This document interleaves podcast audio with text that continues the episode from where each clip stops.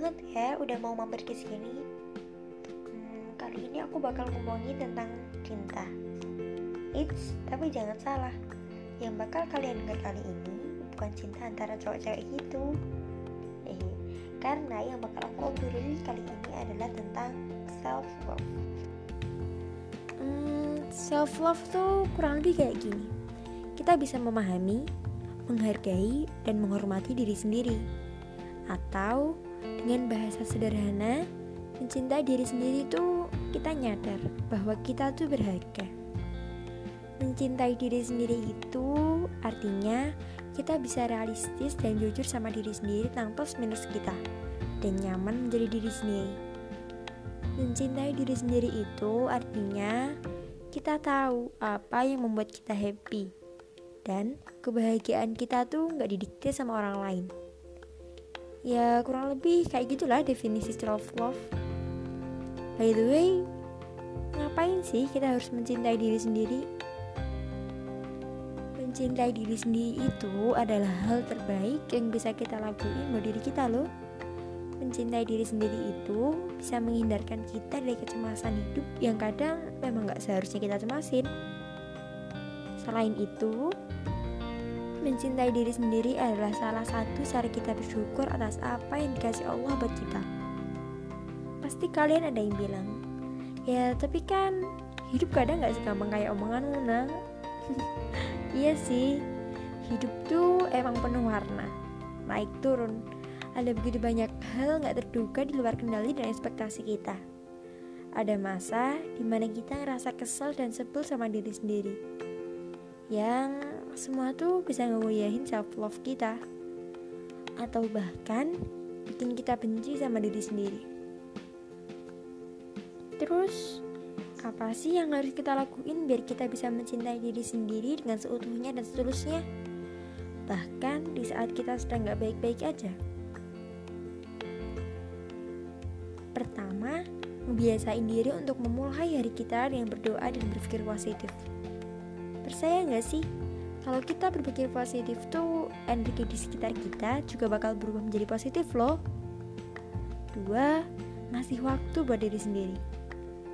Kadang kita terlalu sibuk dengan rutinitas target mimpi-mimpi dan ambisi kita. Mungkin juga ada saatnya kita lelah dengan keruwetan kekacauan dan problematika hidup kita.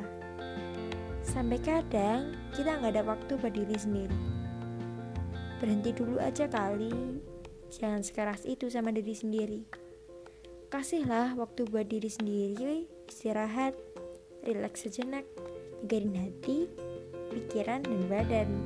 Gitu. Next, cara yang ketiga adalah berani maafin kesalahan diri sendiri. Salah itu sesuatu yang manusiawi kok. Jadi, jangan terlalu nyalahin diri sendiri Yuk belajar maafin diri sendiri. Maafin diri sendiri itu bagian dari introspeksi diri juga loh. Toh masih ada hari esok buat memperbaiki kesalahan yang udah kita lakuin. Iya kan? Yang keempat, just be yourself. Kita emang gak pernah bisa milih jadi kayak apa dan gimana. Tapi apa pun dan gimana pun kondisi kita sekarang, kita harus belajar menerima dengan ikhlas karena itu adalah yang terbaik buat kita. Stop berusaha jadi orang lain. Jangan pernah bandingin diri kita dengan orang lain. Kenapa? Karena setiap orang tuh punya potensi dan mimpi masing-masing. Tugas kita cuma dapetin hasil yang positif dengan cara yang positif. Satu lagi, jangan terlalu ambil pusing omongan orang-orang yang gak tahu tapi sok tahu tentang kita oke? Okay? pokoknya be yourself.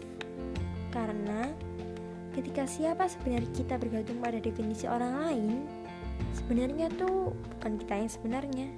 Ya nggak sih? Terus yang keberapa nih? Oh ya yang kelima. Yang kelima adalah lebih realistis. Tanpa kita sadari kita tuh kadang eh apa sering malah ya naruh ekspektasi yang terlalu tinggi ke diri kita maupun orang lain. Terus, pas orang tersebut gak kayak ekspektasi kita, kita pasti kecewa. Terus, kalau kita sendiri yang nggak memenuhi standar yang udah kita tetapin kekecewaan yang kita alami kadang malah double-double ya nggak sih yuk lebih realistis dengan hidup biar kalau realita ada yang nggak pas sama ekspektasi kita kita nggak kecewa yang gimana hmm. next cara mencintai diri berikutnya adalah mengapresiasi diri sendiri sederhananya gini kalau kita udah terlanjur ngelakuin hal buruk kita harus belajar ngasih punishment ke diri kita secukupnya, terus evaluasi dan memperbaiki diri. Sebaliknya, kalau kita berhasil atau ngelakuin hal baik, kita juga harus mengapresiasi diri kita. Gitu. Mengapresiasi diri sendiri itu nggak sama dengan mengagumi kemampuan diri sendiri loh, tapi lebih ke kagum atas pertolongan Allah.